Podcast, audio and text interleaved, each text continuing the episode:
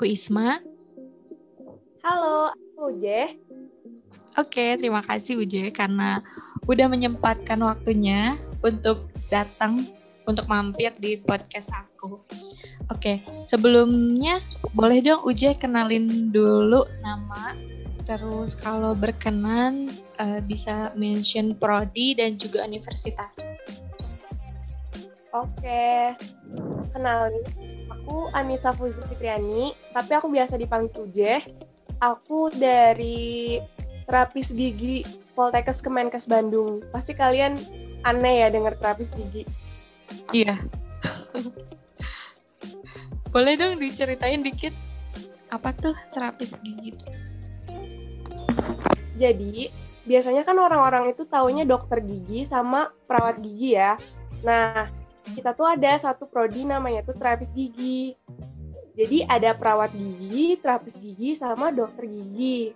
Nah, terapis gigi ini diploma 4. Aku tuh di Poltekkes Bandung ya. Nah, jadi bedanya sama dokter gigi itu, kita itu ngambil tindakannya itu enggak yang terlalu apa ya namanya tuh? Enggak apa astagfirullah, apa sih namanya? Nggak yang terlalu tinggi tingkat kayak kesalahannya gitu loh. Jadi hmm. misalkan kita tuh nggak nggak nyabut gigi yang akarnya lebih dari satu. Kalau misalkan dokter gigi misalkan kayak buat penyembuhannya nah kita itu lebih kayak menjaga kesehatan giginya gitu loh. Kayak kita tuh tindakan biasanya sih kan disebut tindakan non paramedis ya. Nah kita tuh jadi nggak terlalu banyak ngebuat tindakan ke gigi-gigi gitu. Nah gitu ya kurang lebih kayak gitu karena aku masih semester 1 jadi belum terlalu tahu sebenarnya kayak gimana. Nah yang aku tahu itu kayak gitu. Kan dokter gigi itu lamanya pendidikannya kalau misalkan terapis gigi itu cuma empat tahun setara sama S1. Iya, iya. Berarti kalau misalnya uh, sehari-hari nih aku bisa ketemu terapis gigi di mana tuh? Biasanya terapis gigi itu ada di puskesmas, terus juga ada di klinik dokter gigi. Jadi kalau misalkan kita mau buka praktek, kita tuh harus ada dokter giginya. Jadi kita tuh gak bisa buat atau kita bikin praktek itu secara mandiri gak bisa karena kita harus ada dokter giginya juga karena kan ada beberapa tindakan yang nggak bisa kita ambil jadi tindakan itu bisa diambilnya sama dokter gigi. Hmm, oke. Okay. Jadi uh, berarti kalau misalnya dalam satu tempat praktik nih, berarti bakal misalnya normalnya berarti ada dokter gigi, terapis gigi, sama perawat gigi gitu ya? Ya, cuma biasanya normalnya itu kan ada perawat gigi sama dokter gigi normalnya. Sebenarnya kita bisa buka praktek mandiri, cuma kita juga harus diawasin sama dokter gigi gitu. Hmm. Misal uh, ngebersihin karang, kita bisa ngebersihin karang gigi, cuma kita nggak bisa nyabut gigi yang akarnya lebih dari satu, giginya yang akar lebih akar gigi yang lebih dari satu itu contohnya ini gigi geraham. Hmm. Gigi geraham kan akarnya ya. Nah kita nggak bisa kita nggak bisa nyabut gigi geraham karena itu kan nyambung sama syaraf ya. Kita nggak bisa karena itu nanti kalau misalkan kejadian atau misalkan ya amit-amitnya gitu ya kita nggak mau gitu nah itu kita nggak bisa kayak gitu nggak bisa nyabut hmm. yang lebih dari Berarti kalau dari terapis gigi itu selama empat tahun kuliah, nah udah empat tahun itu boleh langsung istilahnya kerja gitu ya? Enggak ada misalnya ada kalau misalnya di dokter gigi itu kan ada setahu aku ada koas gitu. Berarti kalau di terapis gigi nggak ada? Uh, ada. Kita tuh ngambilnya skripsian kayak mahasiswa biasa. Hmm, oke. Okay. Kalau di angkatan kamu oh. ada berapa orang? di angkatan aku ada 44 orang. Paling sedikit tahu pro, apa prodi aku tuh orangnya. Oh, alah. Itu cewek cowoknya sama gitu komposisinya? Enggak. Cowoknya cuma ada enam. Oh. iya sih cowok suka dikitan di kayak gitu. Oke. Okay. Uh, eh, ada lagi gak yang pengen kamu jelasin tentang terapis gigi? Uh, kalau misalkan teman-teman masih bingung udah jadi terapis gigi ini udah jadi diploma 4, kita udah lulus, kita bisa ngelanjutin jenjang pendidikan itu. Nah, nantinya jadi apa sih? Kita itu bisa jadi asisten bedah mulut. Jadi jadi asistennya kita kan terapis gigi dan mulut. Jadi gigi sama mulut. Jadi kita tuh bisa jadi ininya, jadi asisten bedah mulutnya. Hmm. Bisa lanjut. Oke. Okay.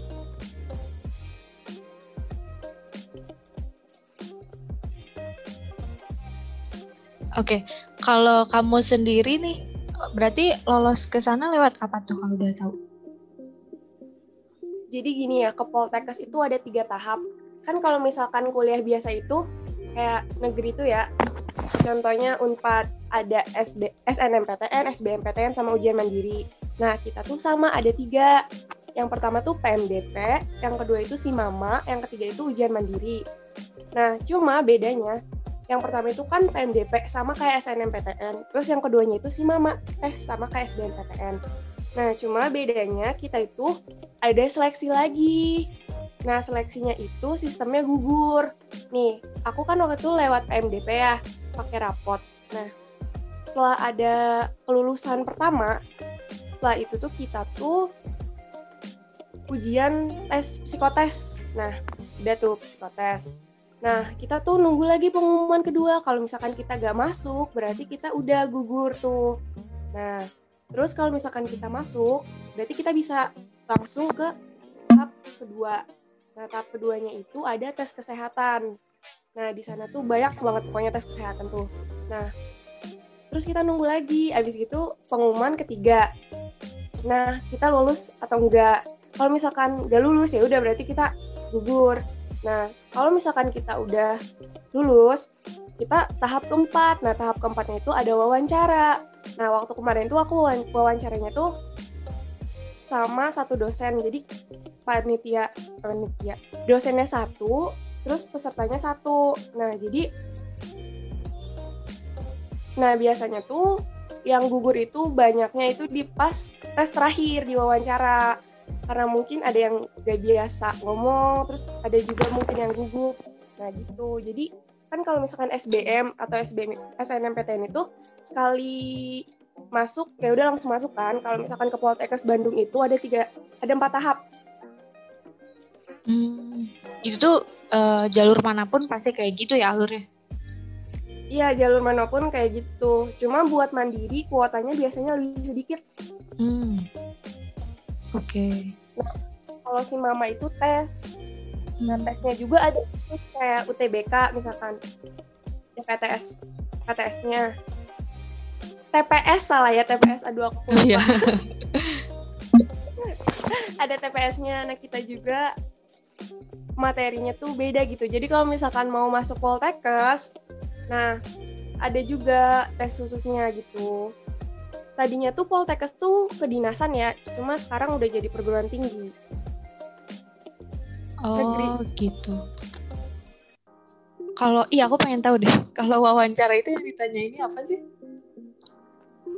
Aku ya waktu itu wawancara, kamu kenapa sih pengen masuk sini? Terus ditanya juga kayak gini, kamu tahu info dari mana sih? Kayak kamu mau kenapa mau masuk JKG JKG itu kan jurusan keperawatan gigi. Kamu tahu apa sih tentang itu?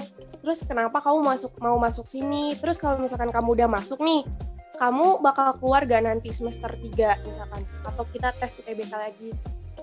Gitu sih. Banyak banyak. Aku lupa banyak banget pertanyaannya pokoknya. Oh gitu. Kalau dari ini dari semansa gitu sesekolah ada gak sih? Atau sendirian aja di Poltekkes ada banyak Hmm. Cuma kalau di prodi aku, di jurusan aku, aku cuma sendiri. Oh, gitu. Oke. Okay. Uh, nah, gimana?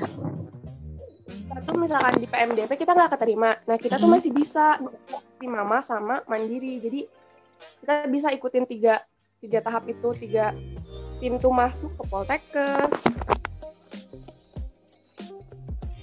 Hmm, oke. Okay.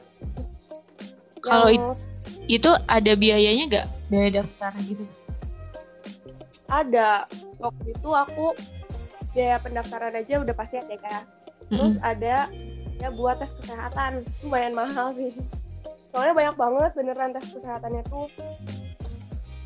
Oh, tes kesehatan itu mandiri kita yang ke dokter gitu.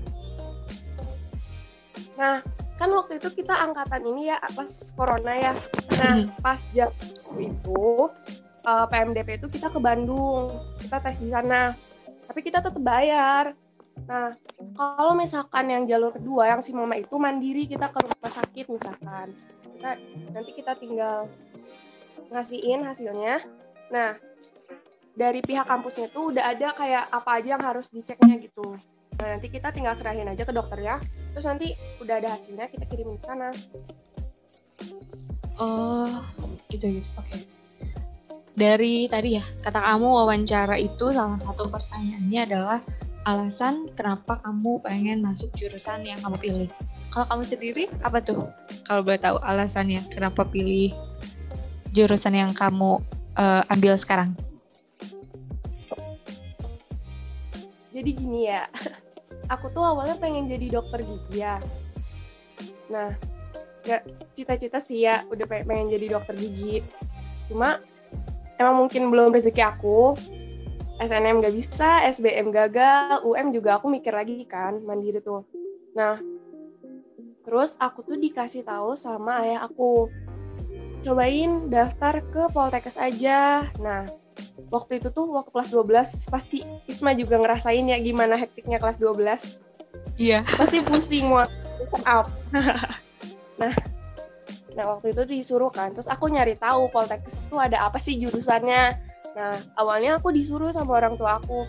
Terus pas dilihat eh ada terapis gigi ada bagian gigi. Terus ya udah aku daftar nih. Nah itu aku daftarnya tuh akhir-akhir ya pas rapot tuh aku dimarahin guru BK karena baru daftar nah Nah terus abis itu udah kita coba daftar terus eh, ngelengkapin formulir. Nah kan ada D3 sama D4, tapi aku ambil D4 karena D3 itu nantinya jadi perawat gigi. Nah terus aku juga lihat, wah bisa buka praktek nih, kan gitu ya. Terus emang pengen kan ke gigi tuh. Ya udah dicobain, eh lulus pakai rapot ya alhamdulillah sih mungkin rezeki aku di sini gitu. Nah waktu itu aku tuh cadangan itu cuma Poltekkes Bandung. Terus aku tuh tahu kalau misalkan sistemnya gugur, ya ampun itu bener-bener deg-degan banget.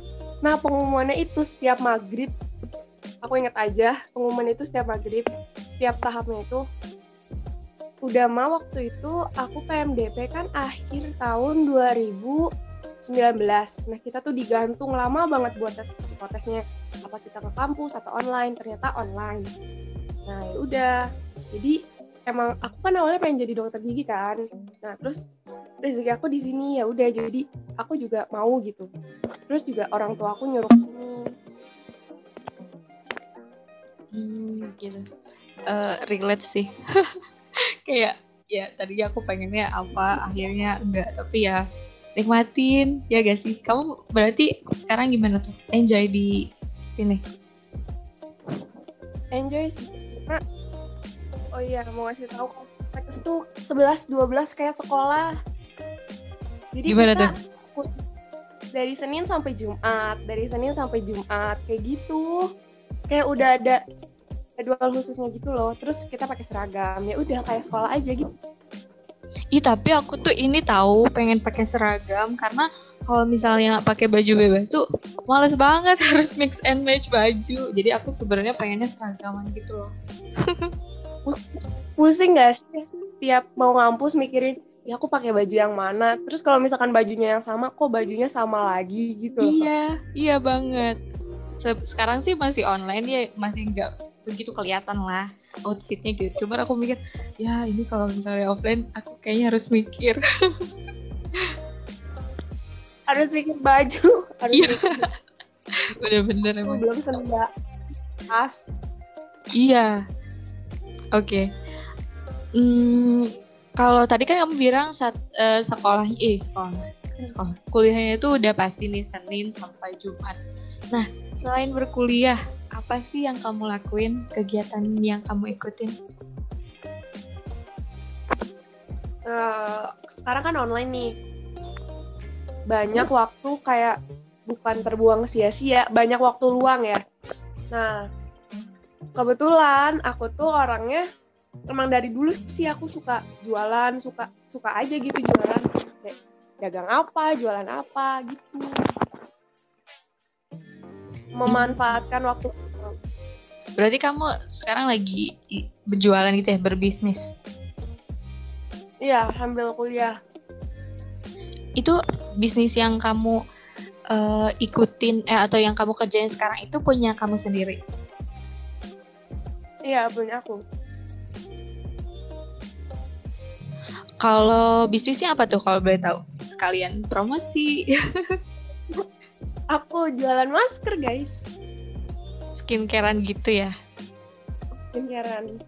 Tapi dulu aku pernah lihat juga kamu jualan kayak minuman gitu gak sih? Oh iya, aku juga pernah jualan tuh, Mah. Jadi gini ya, aku mau cerita. Boleh boleh. Aku tuh dari SD, aku dari SD suka jualan. Beneran itu, Mah. Nah, pertama SD aku jualan apa coba? Jualan kue kerang buatan mama. Nah, Kue apa? Kue kerang. kerang, kue kerang. Tahu nggak? Yang pakai garpu di Oh, di sini namanya kue garpu. aku kue kerang. Nah, soalnya kayak kerang kan. Nah, dijualin tuh di anak-anak SD, dibawain diplastikin. Nah, udah jualan itu, terus pernah juga jualan kacang. Dulu juga aku pernah jualan. Kamu tahu nggak sih keju slice? Mm -mm. Tahu tahu. Dulu kan itu kayak jarang banget nih ya. Aku sama mama waktu belanja, aku beli itu banyak banget, terus aku jualin ke anak-anak SD. Ada yang beli tapi Ada. soalnya emang langka gitu ya waktu dulu. Ya, waktu itu langka banget. Nah, waktu SMP aku juga pernah jualan. SMP. Nah, waktu itu lagi hype-nya ini slime. Aku pernah Mhm. jualan slime. Bikin slime, aku jual-jualin. Kalau squishy aku nggak pernah soalnya itu modalnya mahal kan ya buat anak SMP. Bener. Nah, terus waktu itu aku pernah jualan pulpen juga. Tahu nggak sih pulpen yang pulpen gel terus atasnya tuh ada ada karakternya gitu. Kayak ada un- unicorn, terus ada spider Spider-Man, ada Batman, terus ada kucing kayak gitu kan pulpennya masih jarang ya. Oh iya, lucu. Menarik perhatian banget. Iya. Aku pernah jualan kayak gitu. Dapet tuh supplier aku tuh jualin. Ya lumayan sih ya. Aku juga emang anaknya tuh gak tahu gak bisa diem gitu kalau misalkan gabut tuh gak tahu pengen sibuk aja biasa.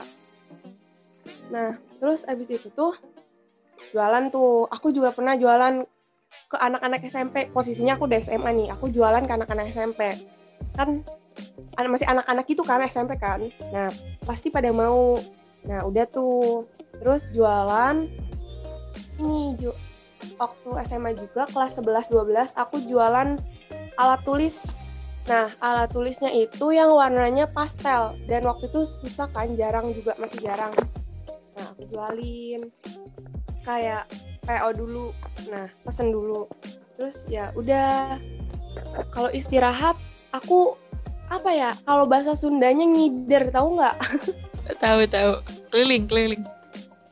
keliling keliling keliling kelas ngasih ngasihin gitu nah waktu itu pernah tuh nah nih eh, aku kan pernah vakum jualan kelas 12 tuh ya kelas 12 akhir nah terus ditambah kita kan di rumah ya waktu kita mau ujian nggak jadi udah hamil satu kita nggak jadi ya? Iya iya. terus udah kan kita di rumah aja. Nah aku tuh gak tahu terus eh, gak tahu mau ngapain kan. Nah terus waktu itu aku kepikiran aku mau jualan ah nah terus di sana tuh kan kita nggak dikasih uang jajan ya. Nah terus aku tuh nyobain aja bilang ke nenek aku aku mau jualan. Nah terus dikasih tuh duit dikasih tuh uang berapa coba Berapa? cuma dikasih seratus ribu aku tuh nah terus aku tuh mikir aku jualan apa ya seratus ribu modal nah terus abis itu nyobain tuh aku tuh ngambil kayak snack-snack itu aku jualin PO-in. Nah, terus ju pernah juga aku tuh jualan masakan aku. Aku kan juga suka masak ya. Kebetulan mama aku ini apa megang dagangan yang emang mamaku masakin kayak naro-naro ke warung gitulah punya ada kantin. Nah terus waktu itu bulan puasa nih aku jualan jualan makanan. Nah terus setiap seminggu sekali. Nah itu tuh aku tuh berangkat jam satu siang masih panas-panasnya nganterin barang nganterin makanan. Sampai aku pernah buka di jalan. Nah oh. ini jam jam 6 tuh tapi alhamdulillah emang rezekinya ada terus gitu. Banyak terus gitu. Aku tuh dari pagi masak dulu terus nge-packing gitulah. Nah terus kan kayak capek gitu kan ya. Aku tuh nanti aku mikir aku kuliah gimana gitu kalau misalkan tetap stuck jualan di sana-sana aja. Nah terus abis gitu pernah juga kan kata Isma pernah lihat jualan minuman ya? Nah iya benar aku pernah bikin minuman Yakult drink itu minuman dari Yakult. Emang enak sih seger ya. Terus aku cobain awalnya aku jualan pak tahu ziplock gak? Mm-hmm. standing pouch. Iya yeah, iya. Yeah.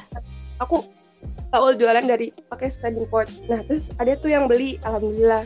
Terus sampai aku pakai kemasan botol. Sampai aku punya logo sendiri tuh. Nah iya yeah, iya. yeah. terus Pernah lihat. tapi nah tapi aku tuh kan itu bikin sendiri ya terus setiap PO 100 terus gitu kan capek gitu. Nah ngerasa kayak capek gitu aku tuh. Nah terus akhirnya waktu itu aku tuh berhenti karena apa ya? Hmm, oh ya aku tuh berhenti karena oh, ini masih gimana ya? Mental aku yang masih belum kuat gitu. Nah waktu itu jadi gini ceritanya aku tuh naruh minuman aku ke pedagang. Pedagang bakso lah ya tapi nggak usah aku sebutin siapa. Nah terus aku taruh setiap empat hari sekali. Ya lumayan sih ya. Nah terus abis gitu berhentilah si Mang itu tanpa bilang ke aku e, J udah dulu ya. Eh ternyata dia bikin sendiri minumannya. Ya. Sedih banget. Ayo ampun dari situ tuh eh, sedih. Pokoknya sedih banget pokoknya. Nah terus udah aja aku tuh kayak berhenti. Ya ya sakit hati sih ya kayak ya ampun gitu. Ini kan ya udahlah gitu kan.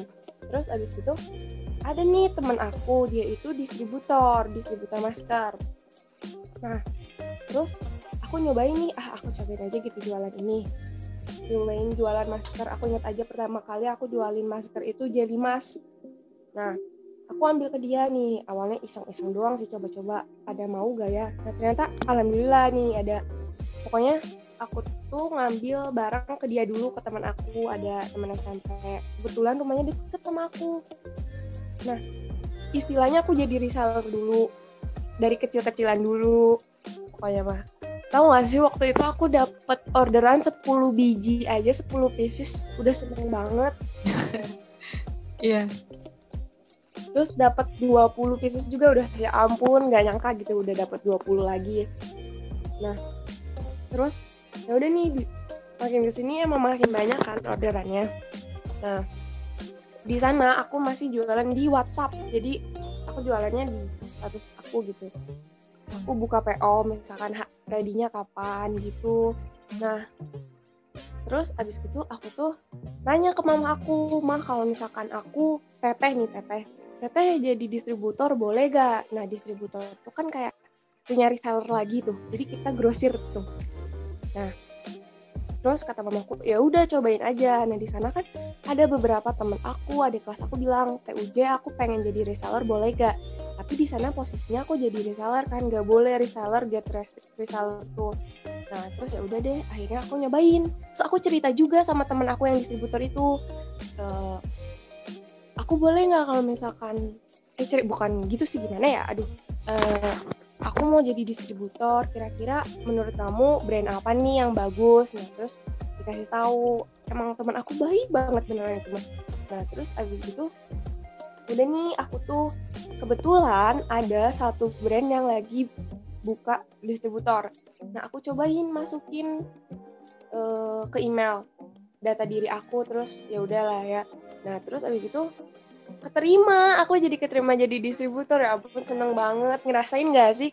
Kayak aku tuh dari kecil-kecilan ya dari reseller pokoknya distributor gitu. Ya ampun. Nah terus ya udah tuh jadi distributor kan. Nah terus ini terus ada juga yang mau jadi reseller aku banyak alhamdulillahnya. Nah terus aku tuh baru satu kan itu jadi distributor. Aku tuh mikir kalau misalkan aku cuma satu macem kayak reseller bosen gak sih ngejualin satu brand itu aja? Terus uh, customer aku juga kayaknya bosen. Terus akhirnya aku nyobain lagi nih ke satu brand ya. Menurut aku itu emang pasarnya gitu. Pasar pasar cocok buat pasar aku. Nah terus habis itu keterima lagi. Nah terus sampai sekarang aku baru megang tiga brand. Aku tuh mulai bisnis tuh akhir tahun 2020 masker tuh.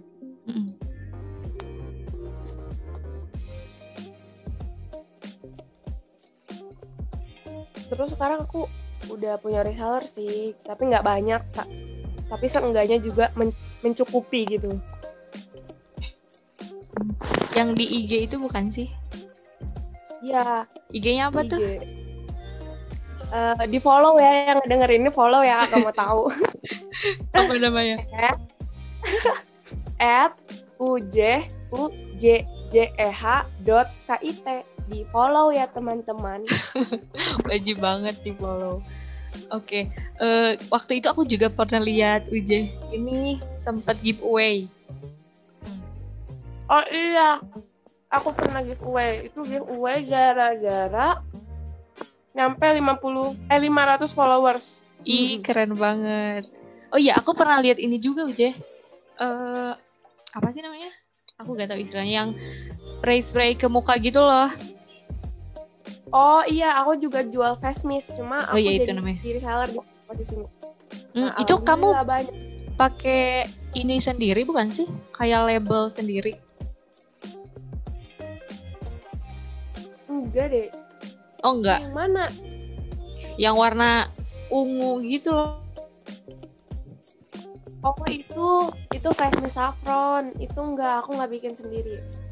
Hmm, berarti uh, alurnya tuh ada apa namanya suppliernya gitu ya. Kamu sebagai distributor, terus ada resellernya, kayak gitu. Iya gitu. Tapi kalau misalnya aku nih pengen beli langsung ke kamu itu boleh nggak? Boleh dong, boleh banget. Hmm. Oke. Okay. Jual encer kok. Oh iya iya. Kalau sekarang masih buka reseller gak? Masih. Kalau hmm. misalkan yang denger podcast ini mau jadi reseller aku boleh banget. Aku Ntar, kalau jadi reseller, eh iya jadi reseller itu kamu sendiri ada ini gak syarat-syaratnya gitu? Atau dia perlu modal berapa gitu? Enggak, kalau modal sih paling gini ya. Kalau mau jadi reseller itu biasanya di satu brand itu minimal kamu ambil 10 pieces aja kamu udah jadi reseller, udah dapet harga grosir gitu. Hmm, oke. Okay. Oh iya, tentang modal nih. Berarti kamu selama ini setiap berbisnis modalnya itu dari orang tua terus tadi dari nenek gitu. Nah, jadi gini ya ceritanya kan aku, aku tuh dikasih modal seratus ribu seratus ribu tuh yang itu yang itu inget gak? Iya ya yang dari nenek. Nah itu tuh alhamdulillahnya uangnya berkembang, udah dapat laba. Terus aku jadiin modal lagi, diputar aja terus uang tuh gitu. Nah pernah suatu saat aku harus punya modal 5 juta waktu itu kan ya. Nah di sana aku modalnya nggak mencukupi. Ya aku bilang ke orang tua dan emang alhamdulillahnya tuh orang tua aku tuh selalu support yang aku mau ya udah nggak apa-apa mau dagang nggak apa-apa gitu gitu terus ini uh, kan kalau misalnya berbisnis itu pasti ada uangnya ada apa ya? Istilahnya itu ada data-data uangnya gitu. Kamu sendiri eh kamu kan emang dari ini ya? Uh, apa? Dulu peminatannya ekonomi gitu ya? Itu ngaruh gak? Iya, aku ngaruh ngaruh banget. Soalnya berguna gitu buat sekarang gitu kan waktu itu aku ikut lomba-lombanya juga ekonomi ya oh iya bener-bener Aku udah mahiwal pokoknya mahiwal. Iya kamu satu-satunya dari IPA gak sih waktu itu? Atau enggak? enggak ada teman aku satu orang. Oh oke. Okay. Terus oh ya tadi kamu bilang kan sempat nih harus punya modal 5 juta terus dan lain sebagainya. Nah kebalikan dari uh, oh ya kamu juga bilang tadi pernah ada labanya, pernah ada untungnya. Kalau kebalikannya, kamu pernah nggak rugi gitu da waktu uh, menga waktu berbisnis ini? Untung sama rugi itu kayaknya selalu ini ya selalu ngikutin gitu. Pernah aku pernah jualan rugi. Nah jualan apa ya waktu itu kayak ongkirnya itu lebih gede daripada labanya aku gitu loh. Aku tuh harus uh, nambahin istilahnya gitu loh.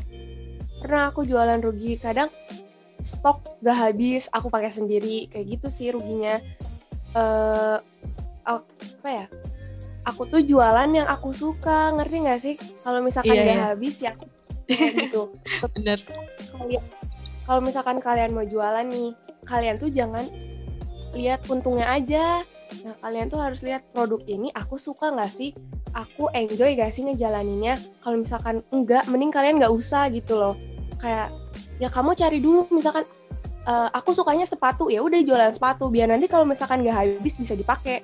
Aku sukanya baju. Nah nanti kalau misalkan gak habis bisa kita pakai gitu loh. Jadi jualan itu menurut aku ya jualan itu yang kamu suka apa sih gitu loh. Biar kamu nanti ngejalaninnya enjoy gitu nggak nggak pusing mikirin stok pusing mikirin rugi pusing mikirin laba gitu loh kayak untung sama rugi itu pasti ada kalau jualan tuh. Makanya kalau jualan jangan mau untungnya aja, tapi kamu tuh harus dilihat gitu loh. Kamu tuh ngeapresiasi diri gitu loh. Kalau misalkan kamu lagi nggak banyak orderan, nyampe sini aja nih, kamu nyampe sampai titik ini tuh udah bersyukur banget karena di luar sana belum belum bisa kayak kamu gitu loh. Kalau misalkan kalian mau jualan, ya pasti kalian jualan dari nol dulu, gak mungkin langsung besar gitu loh. Tapi kalian ngejalaninnya harus enjoy gitu. Ya udah we jalanin dulu we gitu loh. Bener setuju setuju. Oke dari tadi cerita kamu ini ada beberapa hal yang apa ya mungkin kalau menurut aku ini kendala ya pertama kamu pernah berhenti gara-gara eh dikasih uh, yang gara-gara si mang baso itu terus kamu pernah ada kendala tentang biaya terus ada ongkir yang tadi kata kamu lebih uh, besar gitu daripada uh, dari dari kamu sendiri. Nah, ada gak sih kendala-kendala lain yang kamu rasakan nih ketika kamu jualan? Uh, ini temen tapi dia itu kompetitor aku, ngerti nggak? Oh iya, ngerti ngerti.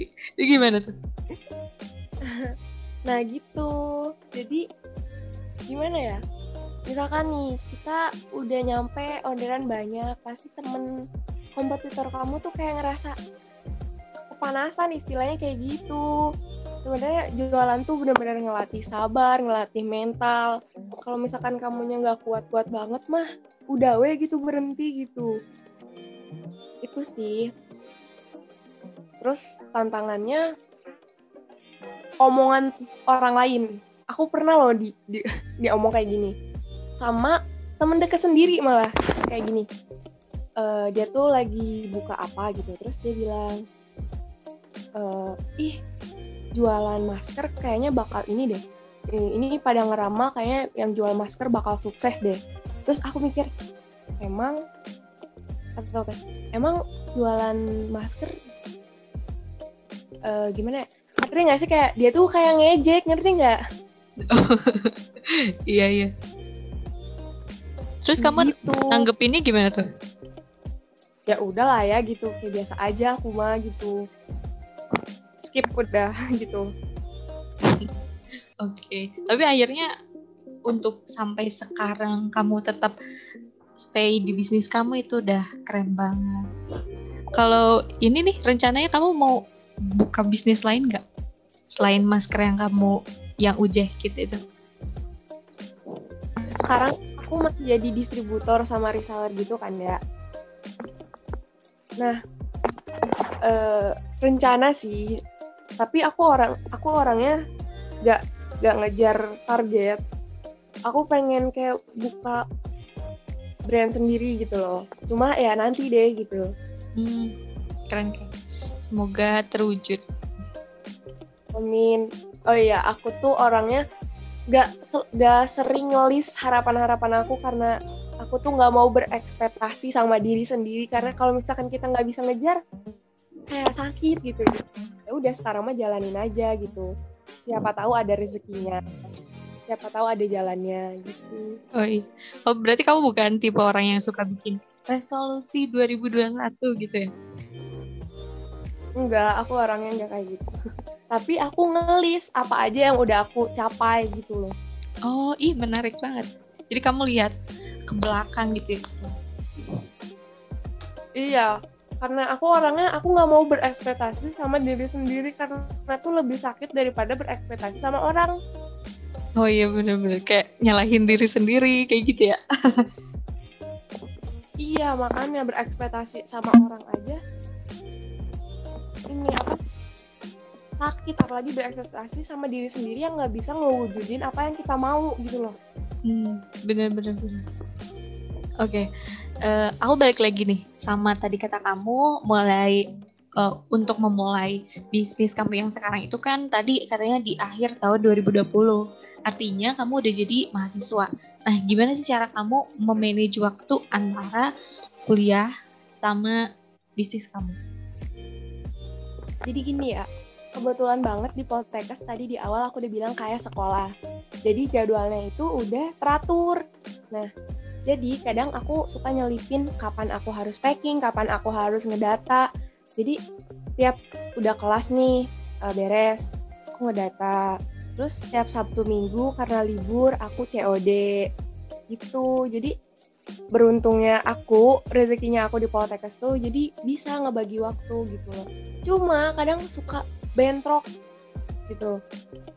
Uh, misalkan stok di aku tuh udah dikit lagi tapi aku lagi ada kelas terus tiba-tiba reseller ngelis orderan banyak banget dan aku harus mau gak mau kan lagi kelas harus ngerekap data kan kalau misalkan gak ngerekap nanti bisa aja kurang gitu tuh. Mm-hmm. nah gitu. Terus uh, kadang udah beres kelas atau misalkan nugas nah malamnya aku packing gitu. Hari libur aku jarang main oh nah, gitu Nah, jadi ya waktu libur aku ya buat itu, buat jualan, buat nganterin barang, buat apa gitu. Kamu ini sih produktif banget. Tapi maksudnya ketika kamu packing, ketika pokoknya ngurusin tentang bisnis kamu, karena kamu suka ini juga jadi hitung-hitung refreshingnya juga nggak sih? Iya bener, aku tuh pernah tahu. Uh, gini cerita. Aku waktu itu wawancara, lagi tegang-tegangnya aku sempet jualan tahu kayak emang buat, buat refreshing gitu. Aku waktu itu wawancara nih. Nah aku bener-bener tegang banget. Nah terus abis itu aku aku open PO open PO apa coba? Apa? Aku aku open PO Scarlett itu gak tau tiba-tiba ngedadak aku open PO Scarlett terus banyak yang ngechat kan. Nah, itu tuh refreshingnya tuh di sana hmm. keren kita emang uh, apa ya yang enak itu adalah hobi yang dibayar gitu kan hobinya jualan ya. sekaligus dibayar Bener. juga karena kita jualan oke okay. hmm, dari semua yang kamu alami gitu sejak kamu pertama kali jualan uh, waktu kecil sampai sekarang pasti ada dong kayak trial dan errornya gitu kan. Pasti kamu be belajar dari kesalahan-kesalahan yang kamu lakuin misalnya tentang jualan. Nah, kalau ada nih orang misalnya aku sendiri aku sih jujur ya aku nggak kepikiran buat jualan. Karena aku tuh orang itu takut terugi gitu sih jadi nggak ada kepikiran sama sekali buat jualan. Nah kalau dari kamu sendiri nih ada gak sih tips untuk hmm, mungkin in general siapa aja tapi boleh untuk mahasiswa gitu yang pengen nih bermulai untuk berbisnis gimana? tadi aku dibilang kalau kamu mau jualan kamu harus jualan gak harus sih kamu jualan yang kamu suka gitu loh terus jangan pernah kamu ngelihat orang yang udah banyak orderannya terus dibandingin sama kamu yang baru jualan. Itu nggak boleh itu salah.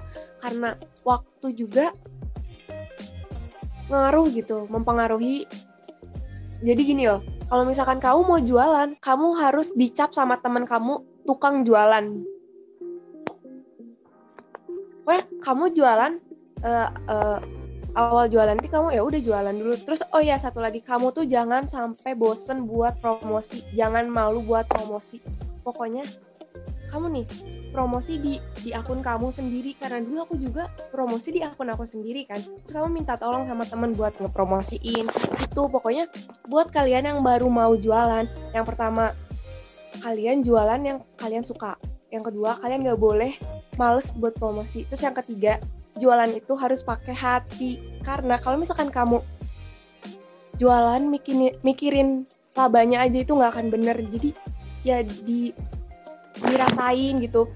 Nih proses tuh bener-bener kamu tuh bakal indah pada waktunya gitu. Karena semua itu berawal dari nol berawal dari satu orderan. Hmm bener-bener. Oke okay. ini sebelum closing statement. Kamu mau gak ini spill pendapatan kamu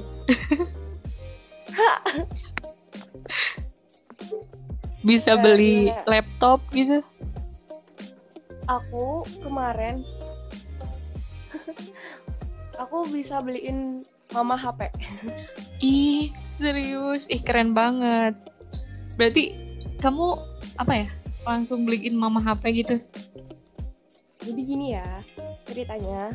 Mama aku tuh baru diambil orang HP-nya hilang. Nah, uh. terus mama bilang gini, uh, mama tuh kalau misalkan nggak ada HP orderan mama orderan catering mama tuh kayak nggak akan jalan. Nah di sana kan posisinya aku juga pengen beli HP nah uang itu tuh pengen aku beliin HP buat aku karena HP aku sekarang ya ya mencukupi sih tapi nggak ngikut zaman gitu kan. Terus aku hmm. mikir apa aku mama HP dulu gitu buat aku entah lagi? Terus ya udah deh akhirnya aku beliin mama aku HP Ih, gitu. ampun, ya. solehah sekali Uje. terus ya aku HP-nya masih yang ini gitu gak apa-apa gitu semoga terganti ya, yang lebih lebih lagi amin bener kayak lihat mama tuh senang banget tuh ya ampun kayak kebayar gitu capek aku tuh yang pun aduh speechless iya aku ngebayangin dia aja aku jadi uh, apa ya ngebayangin aja bisa ngerasain gitu di posisi mamanya Ujung gitu. Ya okay. itu sih. Cuma buat pendapatan sekali PO sekali ini ya nyampe lah kurang lebih satu juta setengah sebulan. Ih keren banget. Dan itu tuh emang butuh proses yang gak tiba-tiba satu juta gitu aja ya tiba-tiba masih kecil sih ini masih kecil. Buat satu brand satu juta aja masih kecil. Hmm. oke. Okay. uh, eh, untuk pertanyaan yang udah aku sampaikan kayaknya cukup nih. Tapi sebelum ditutup kamu boleh dong kasih statement. Mau uh, apa ya kayak kalimat yang selalu kamu ingat selalu kamu terapin gitu atau apa aja ya